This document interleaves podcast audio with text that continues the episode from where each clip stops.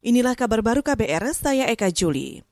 Komisi Pemberantasan Korupsi atau KPK menahan Wali Kota Dumai Zulkifli Adnan Singkah selama 20 hari terhitung sejak 17 November 2020 di Rutan Polres Metro Jakarta Timur. Zulkifli ditetapkan sebagai tersangka kasus mafia anggaran. Wakil Ketua KPK Alexander Marwata mengatakan Zulkifli diduga terlibat kasus suap pengurusan dana alokasi khusus APBN Perubahan 2017 dan APBN 2018. Perkara ini merupakan pengembangan dari perkara dugaan suap terkait usulan dana perimbangan keuangan daerah dalam RAPBN Perubahan tahun anggaran 2018 dan hingga saat ini KPK telah menetapkan 12 orang tersangka, 6 di antaranya sudah dinyatakan bersalah oleh Majelis Hakim Pengadilan Tipikor. Wakil Ketua KPK Alexander Marwata menambahkan, Zulkifli diduga memberikan suap 550 juta rupiah kepada pejabat Kementerian Keuangan Yaya Purnomo untuk mengurus dana alokasi khusus kota Dumai. Zulkifli juga diduga menerima gratifikasi berupa uang 50 juta rupiah dan fasilitas kamar hotel dari pengusaha yang menggarap proyek di kota Dumai.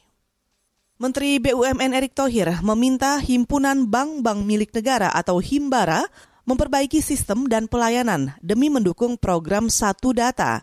Selama pandemi COVID, program ini menjadi sarana pemerintah menyalurkan dana pemulihan ekonomi nasional. Kami di Kementerian BUMN sangat berharap Himbara terus berkonsolidasi, terus memperbaiki sistem dan servisnya. Dan yang paling penting mendukung program Satu Data pemerintah karena itu kemarin kita sudah sampaikan juga khususnya nanti untuk usaha mikro, kita coba sinergikan BRI, Penggadaian, dan juga PNM untuk bisa mempunyai program satu jata, seperti juga bagaimana konsolidasi daripada himbara eh, yang ada di banknya syariah. Menteri BUMN Erick Thohir juga menambahkan, bank-bank milik negara akan terus dilibatkan selama proses penyaluran dana program pemulihan ekonomi nasional, khususnya untuk penyaluran bantuan pekerja berpenghasilan di bawah 5 juta per bulan, juga untuk guru honorer dan tenaga kependidikan non-PNS.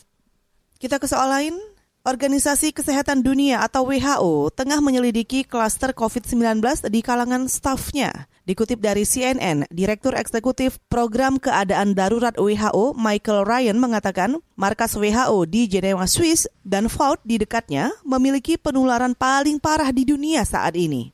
Informasi tentang klaster WHO ini terungkap setelah surel atau surat elektronik internal menyebar ke media. Menurut surel itu, terdapat 65 kasus corona di markas WHO. Sebanyak 49 kasus terjadi dalam 8 pekan terakhir. Kepala Teknis COVID-19 WHO, Maria van Kerkhove, mengklaim seluruh staf yang positif hanya bergejala ringan atau tanpa gejala. Saudara, demikian kabar baru. Saya Eka Juli.